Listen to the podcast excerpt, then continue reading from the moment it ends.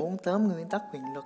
Bằng cách lên kế hoạch cho đến khi kết thúc, bạn sẽ không bị các tình huống lấn át, sẽ biết được khi nào nên dùng.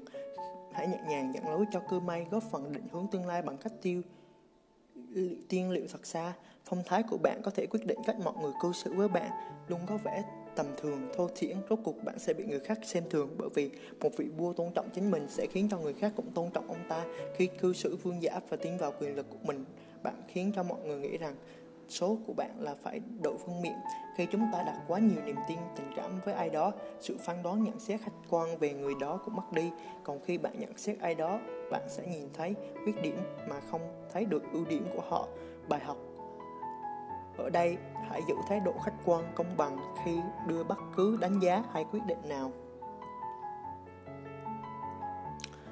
Bắt chắc các bạn đã nghe câu lời nói là bạc, im lặng là vàng hai câu hãy uống lưỡi ba lần trước khi định nói điều gì. Chúng ta giao tiếp với nhau qua ngôn từ lời nói. Vì vậy, mỗi lời nói cần có sự nhân, cân nhắc kỹ lưỡng để khi nói ra không phải hối hận.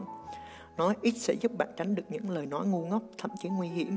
Một lời nói đưa ra khó mà rút lại, giữ im lặng, có thể khiến người khác tiết lộ nhiều hơn về họ. Nhiều điều phụ thuộc vào danh tiếng, vì vậy bạn phải bảo vệ nó trong suốt cuộc đời bạn. Một danh tiếng vững chắc sẽ giúp bạn thuận lợi hơn mà không tốn tốn nhiều công sức, không bao giờ tuyệt vọng khi đấu tranh bảo vệ danh tiếng của mình trước khi trước sự vu khống của người khác. Tấn công danh tiếng của người khác giống như một con dao hai lưỡi vậy. Nếu bạn lạm dụng và đi quá xa, bạn sẽ là người chịu tổn hại. Hãy để người khác thực hiện công việc của bạn, nhưng hãy luôn nhận thành quả hãy đứng lên trên vai người khổng lồ để hoàn thành công việc. Hãy áp đặt tất cả thành tựu mà loài người đã có. Tiết kiệm sức lực và năng lượng bằng cách thuê người làm việc giúp mình. Bạn chỉ có thể khai thác được khả năng của khác khi vị trí của bạn không thể lai chuyển.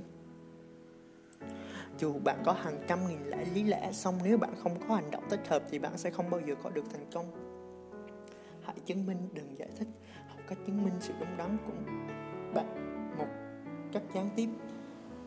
Chọn lựa thời cơ phù hợp không ai có thể chối cãi một bằng chứng sáng đáng, một bằng chứng sáng đáng. Nếu thời gian có thể dạy người khác điều, bạn cố gắng nói hãy để thời gian làm điều đó. Thời xưa có câu gì cỏ tận gốc, cũng có ý nghĩa tương tự. Sự dự quan coi thường địch thủ, dù họ yếu thế, là một điều có thể khiến bạn hối hận. Khoan dung với kẻ thù là độc ác với chính mình. Không để kẻ thù của bạn có sự lựa chọn nào cả đôi khi kẻ thù tự tiêu diệt lẫn nhau.